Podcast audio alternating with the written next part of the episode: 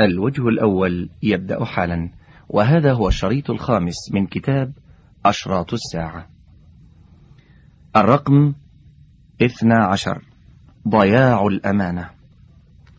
سبق أن ذكرنا قتال الترك وقتال العجم وعلى هذا فقتال العجم والترك من أشراط الساعة كذلك. وهنا نأتي إلى حديث أبي هريرة رضي الله عنه. قال قال رسول الله صلى الله عليه وسلم إذا ضيعت الأمانة فانتظر الساعة.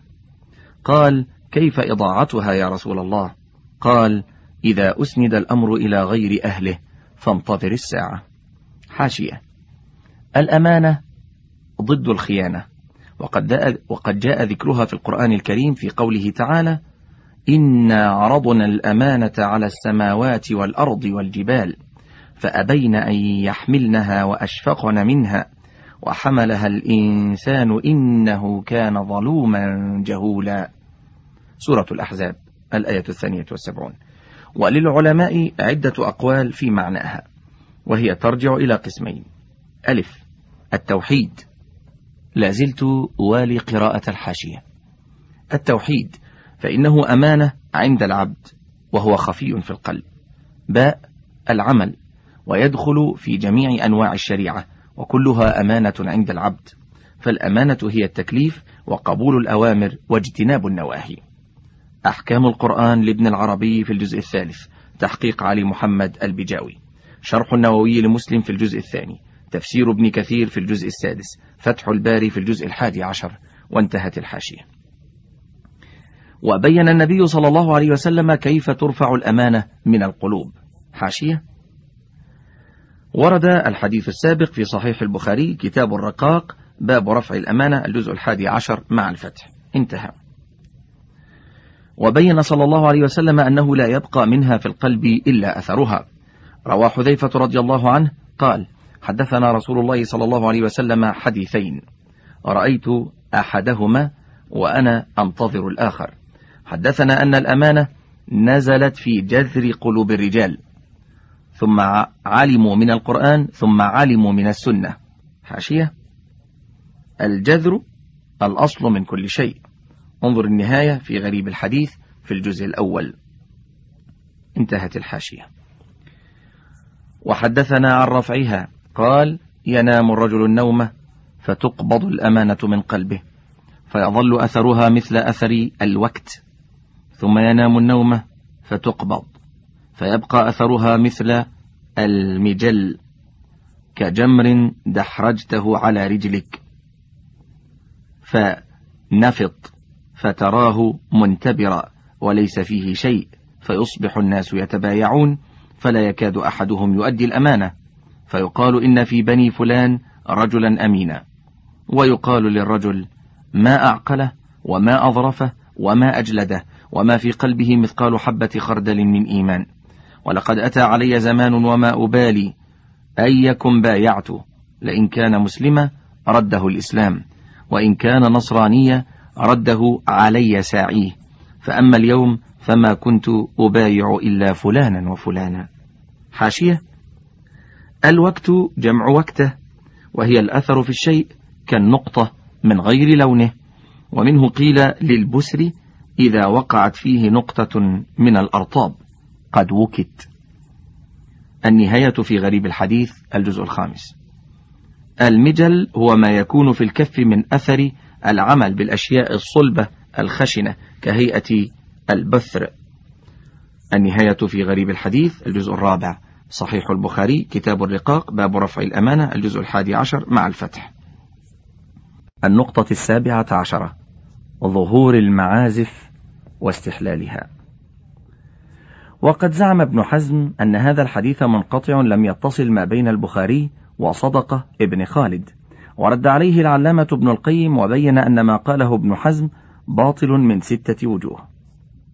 واحد أن البخاري قد لقي هشام بن عمار وسمع منه فإذا روى عنه معنعنا حمل على الاتصال اتفاقا لحصول المعاصرة والسماع.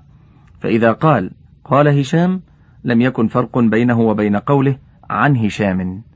أصل اثنان أن الثقات الأثبات قد رووه عن هشام موصولا. قال الإسماعيلي في صحيحه أخبرني الحسن حدثنا هشام بن عمار بإسناده ومتنه. ثلاثة أنه قد صح من غير حديث هشام فرواه الإسماعيلي وعثمان بن أبي شيبة بسندين آخرين إلى أبي مالك الأشعري رضي الله عنه.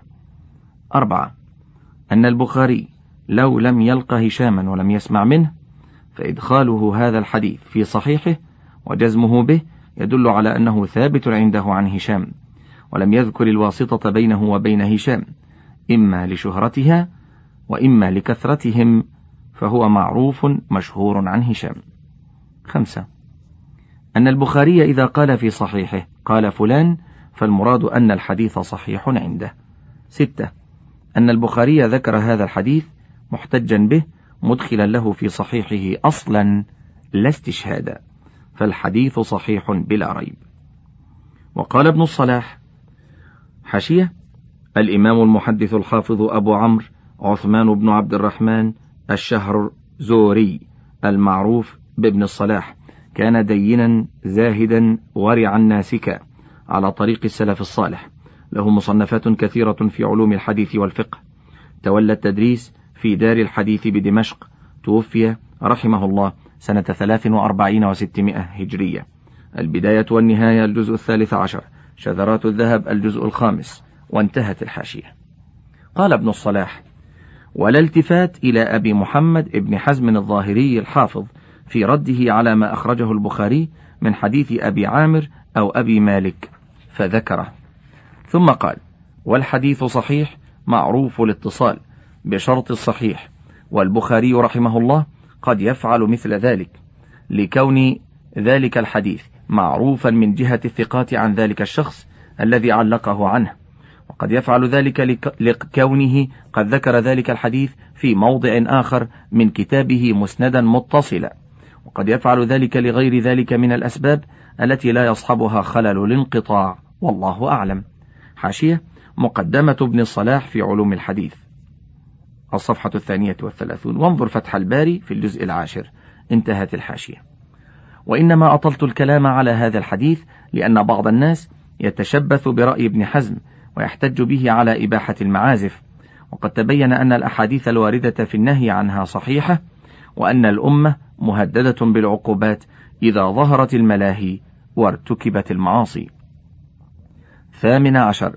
كثرة شرب الخمر واستحلالها.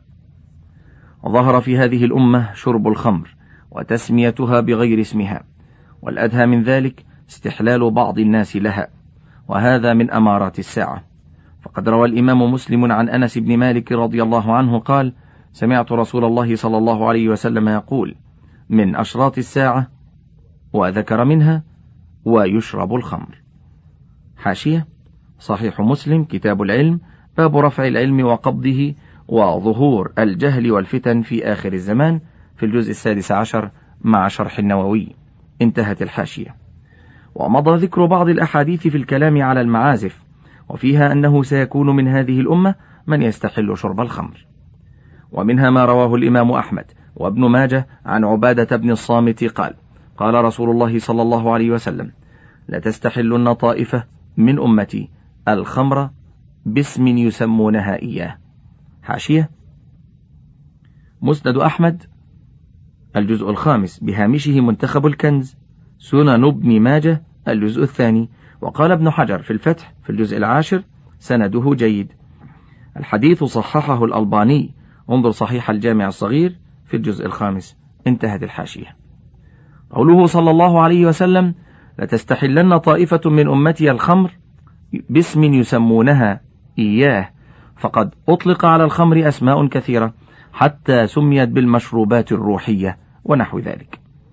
والأحاديث في بيان أن هذه الأمة سيفشو فيها شرب الخمر وأن فيهم من يستحلها ويغير اسمها كثيرة. وفسر ابن العربي استحلال الخمر بتفسيرين. الأول اعتقاد حل شربها والثاني أن يكون المراد بذلك الاسترسال في شربها كالاسترسال في الحلال. وذكر أنه سمع ورأى من يفعل ذلك وهو في زمننا هذا أكثر فقد فتن بعض الناس بشربها. حاشية؟ انظر فتح الباري في الجزء العاشر انتهت الحاشية. وأعظم من ذلك بيعها جهارا وشربها علانية في بعض البلدان الإسلامية.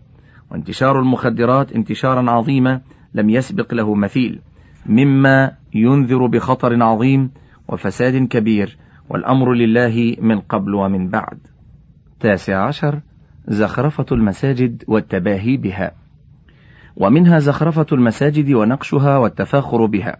فقد روى الإمام أحمد عن أنس رضي الله عنه أن رسول الله صلى الله عليه وسلم قال لا تقوم الساعة حتى يتباهى الناس في المساجد حاشية مسند أحمد الجزء الثالث وبهامشه منتخب الكنز. انتهى. وفي رواية للنسائي وابن خزيمة عنه رضي الله عنه أن النبي صلى الله عليه وسلم قال من أشراط الساعة أن يتباهى الناس في المساجد. حاشية.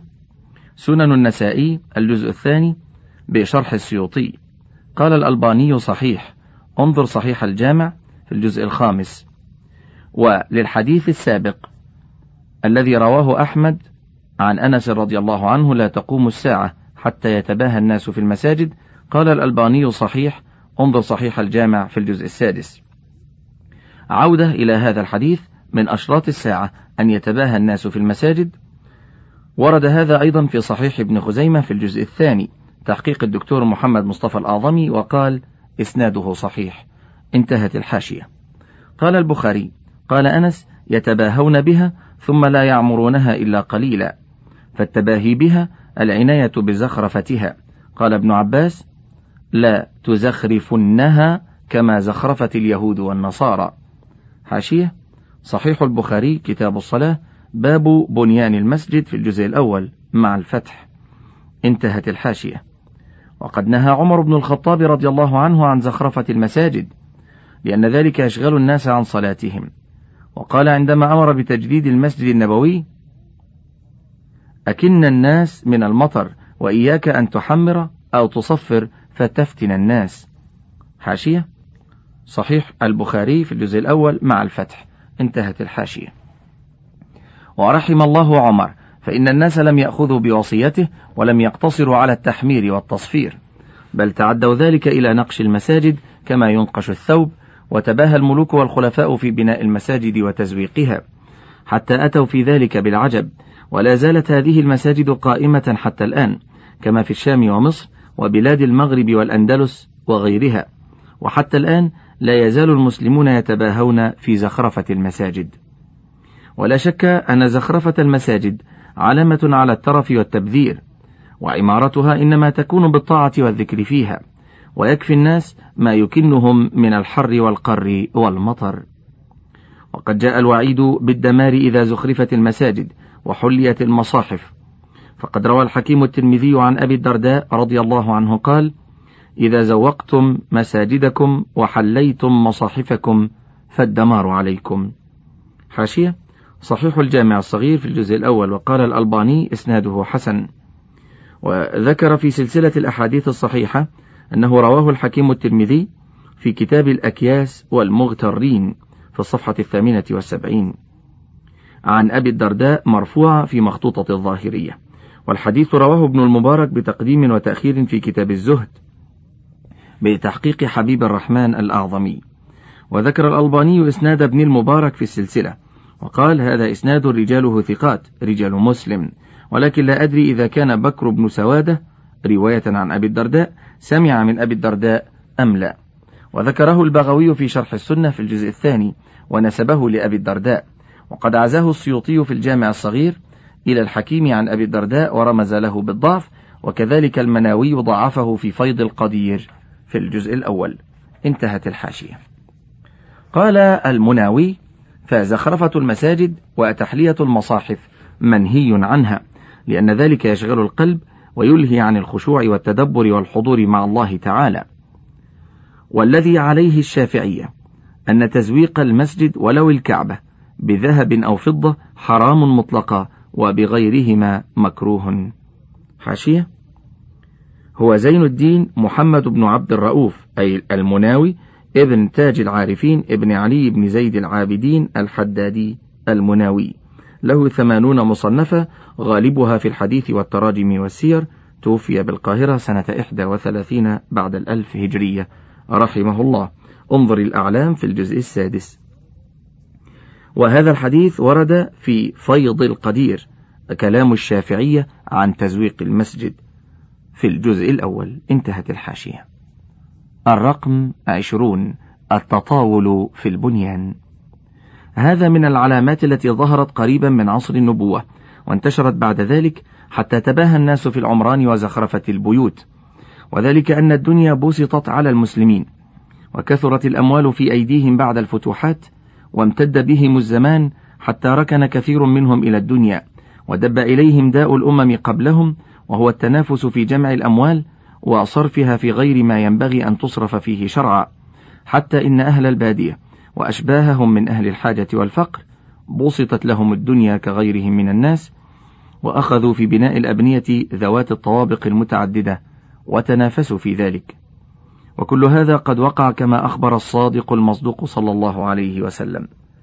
ففي الصحيحين عن أبي هريرة رضي الله عنه أن النبي صلى الله عليه وسلم قال لجبريل عندما سأله عن وقت قيام الساعة ولكن سأحدثك عن أشراطها فذكر منها وإذا تطاول رعاء البهائم في البنيان فذاك من أشراطها وفي رواية لمسلم وأن ترى الحفاة العراة العالة رعاء الشاء يتطاولون في البنيان.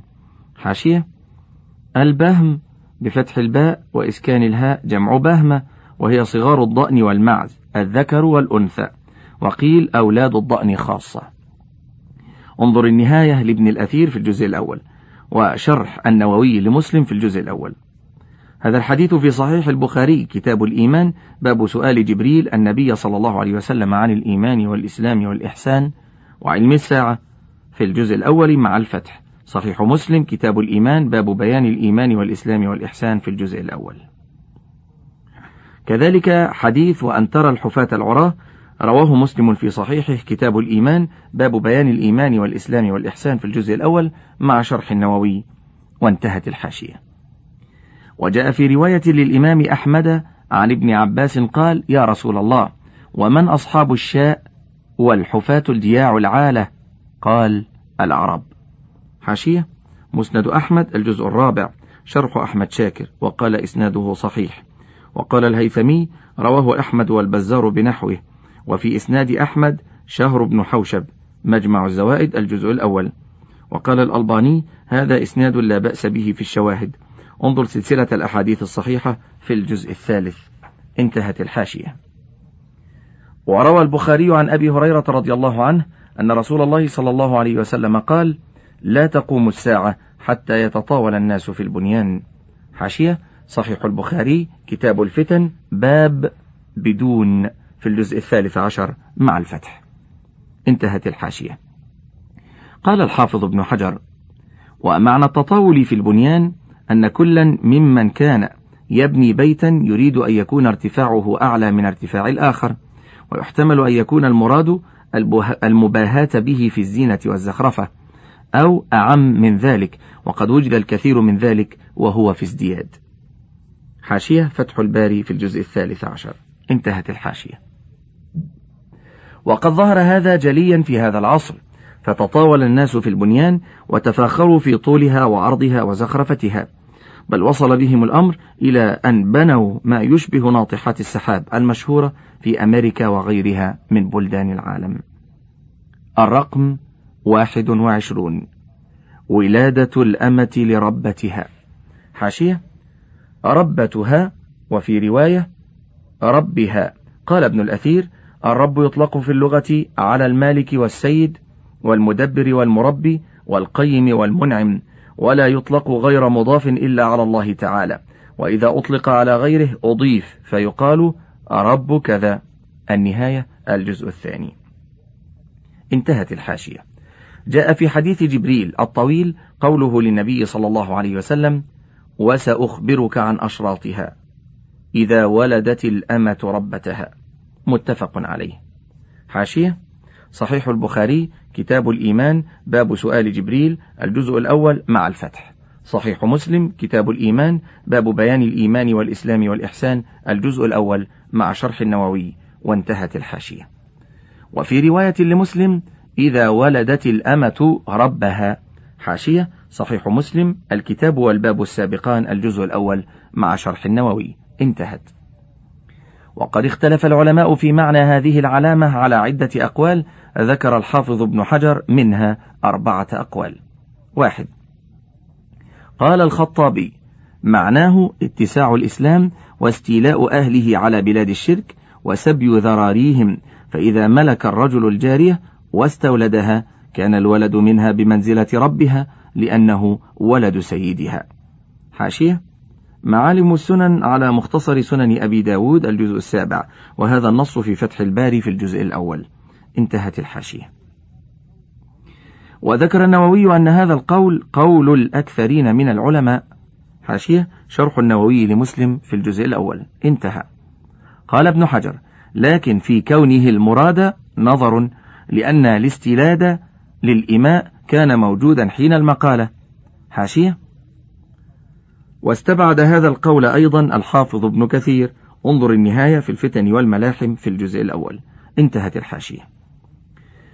قال ابن حجر لكن في كونه المراد نظر لأن استيلاد الإماء كان موجودا حين المقالة والاستيلاء على بلاد الشرك وسبي ذراريهم واتخاذهم سراري وقع أكثرهم في صدر الإسلام.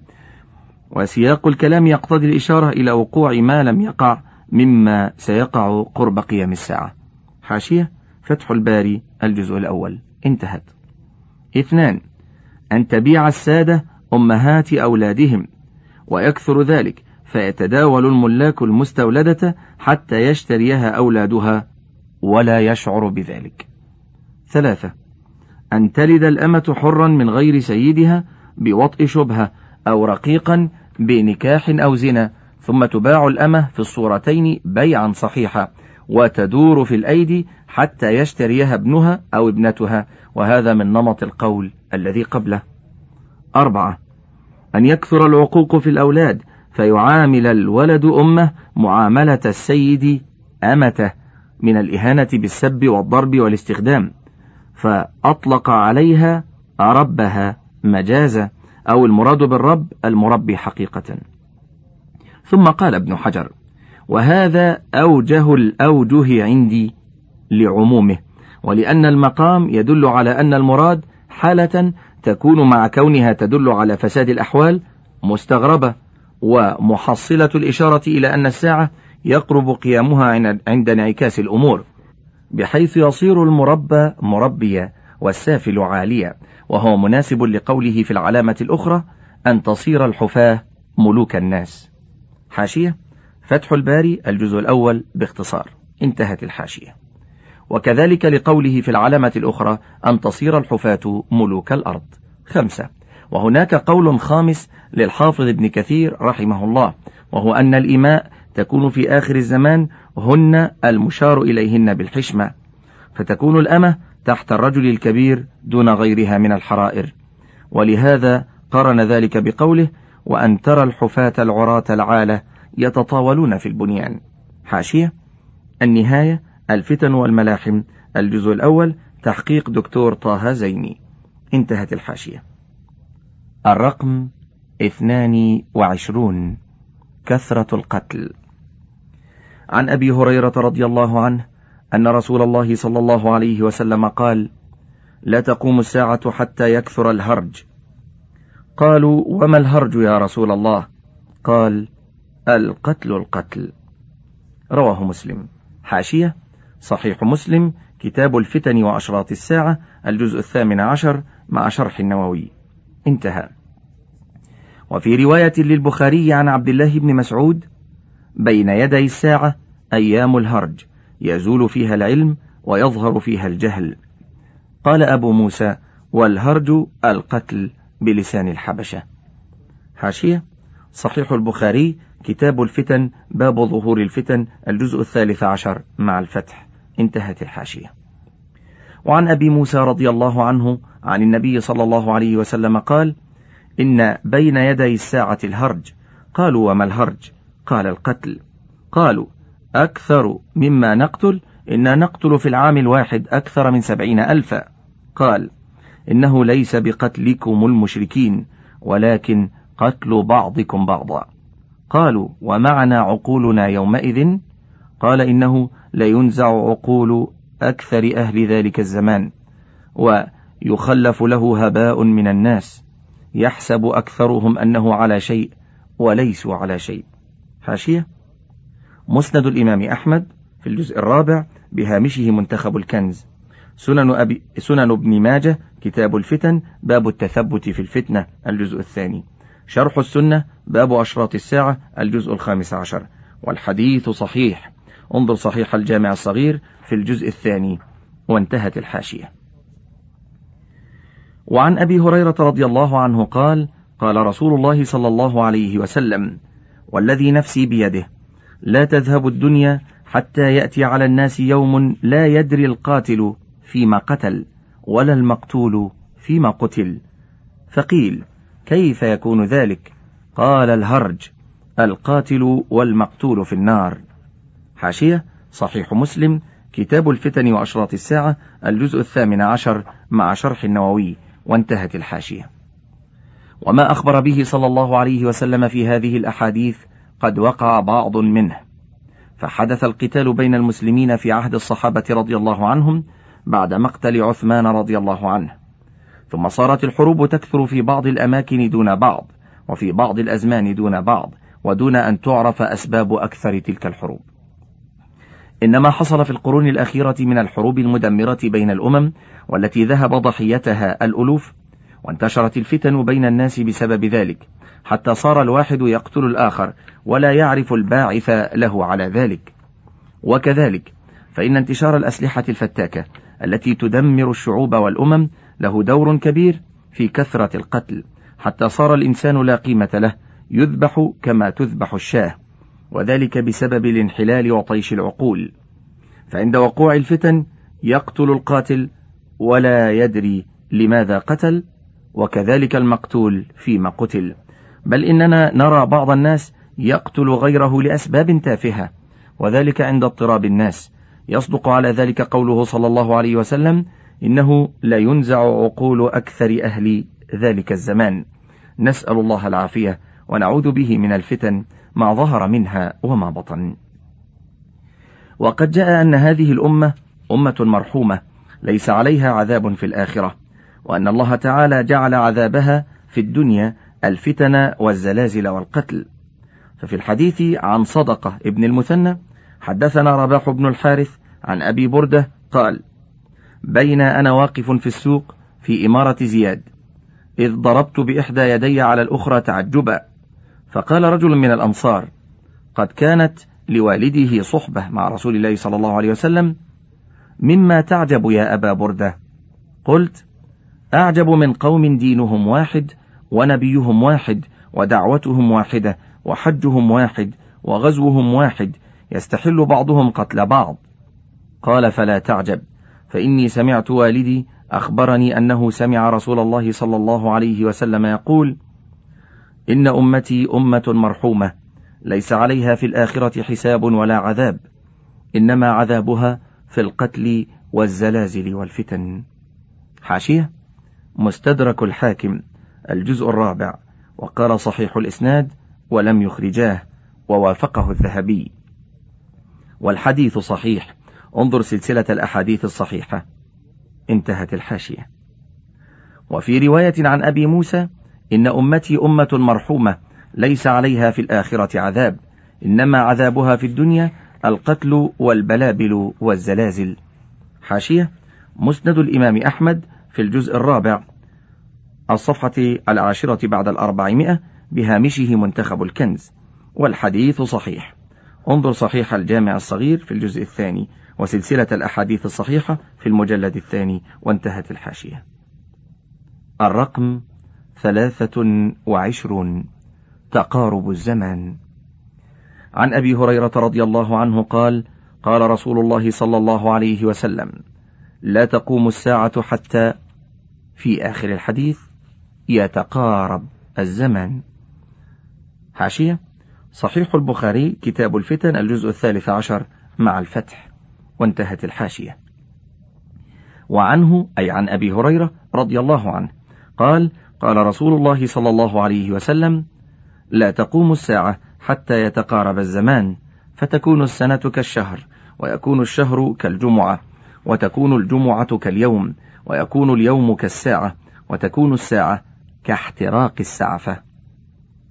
حاشية مسند أحمد الجزء الثاني بهامشه المنتخب. رواه الترمذي عن أنس. انظر جامع الترمذي في أبواب الزهد. باب ما جاء في تقارب الزمن وقصر الأمل. في الجزء السادس مع تحفة الأحوذي. قال ابن كثير إسناده على شرط مسلم. النهاية الفتن والملاحم. الجزء الأول تحقيق دكتور طه زيني. قال الهيثمي رجاله رجال الصحيح. مجمع الزوائد الجزء السابع. وقال الألباني صحيح. انظر صحيح الجامع الصغير في الجزء السادس. انتهت الحاشية. وللعلماء أقوال في المراد بتقارب الزمان. منها واحد. أن المراد بذلك قلة البركة في الزمان. حاشية. انظر معالم السنن في الجزء السادس بهامش مختصر سنن أبي داود للمنذري وجامع الأصول لابن الأثير في الجزء العاشر وفتح الباري في الجزء الثالث عشر وانتهت الحاشية. قال ابن حجر قد وجد في زماننا هذا فإننا نجد من سرعة مر الأيام ما لم نكن نجده في العصر الذي قبل عصرنا هذا. حاشية. فتح الباري الجزء الثالث عشر. انتهت الحاشية. اثنان أن المراد بذلك هو ما يكون في زمان المهدي وعيسى عليه السلام من استلذاذ الناس للعيش وتوفر الأمن وغلبة العدل وذلك أن الناس يستقصرون أيام الرخاء وإن طالت وتطول عليهم مدة الشدة وإن قصرت. حاشية انظر فتح الباري في الجزء الثالث عشر. انتهت الحاشية. ثلاثة أن المراد تقارب أحوال أهله في قلة الدين حتى لا يكون منهم من يأمر بمعروف وينهى عن منكر لغلبة الفسق وظهور أهله وذلك عند ترك طلب العلم خاصة والرضا بالجهل وذلك لأن الناس لا يتساوون في العلم فدرجات العلم تتفاوت كما قال تعالى وفوق كل ذي علم عليم سورة يوسف الآية السادسة والسبعون وإنما يتساوون إذا كانوا جهالا حاشية انظر مختصر سنن أبي داود للمنذري في الجزء السادس انتهت الحاشية. انتهى الشريط الخامس من كتاب أشراط الساعة وله بقية على الشريط السادس.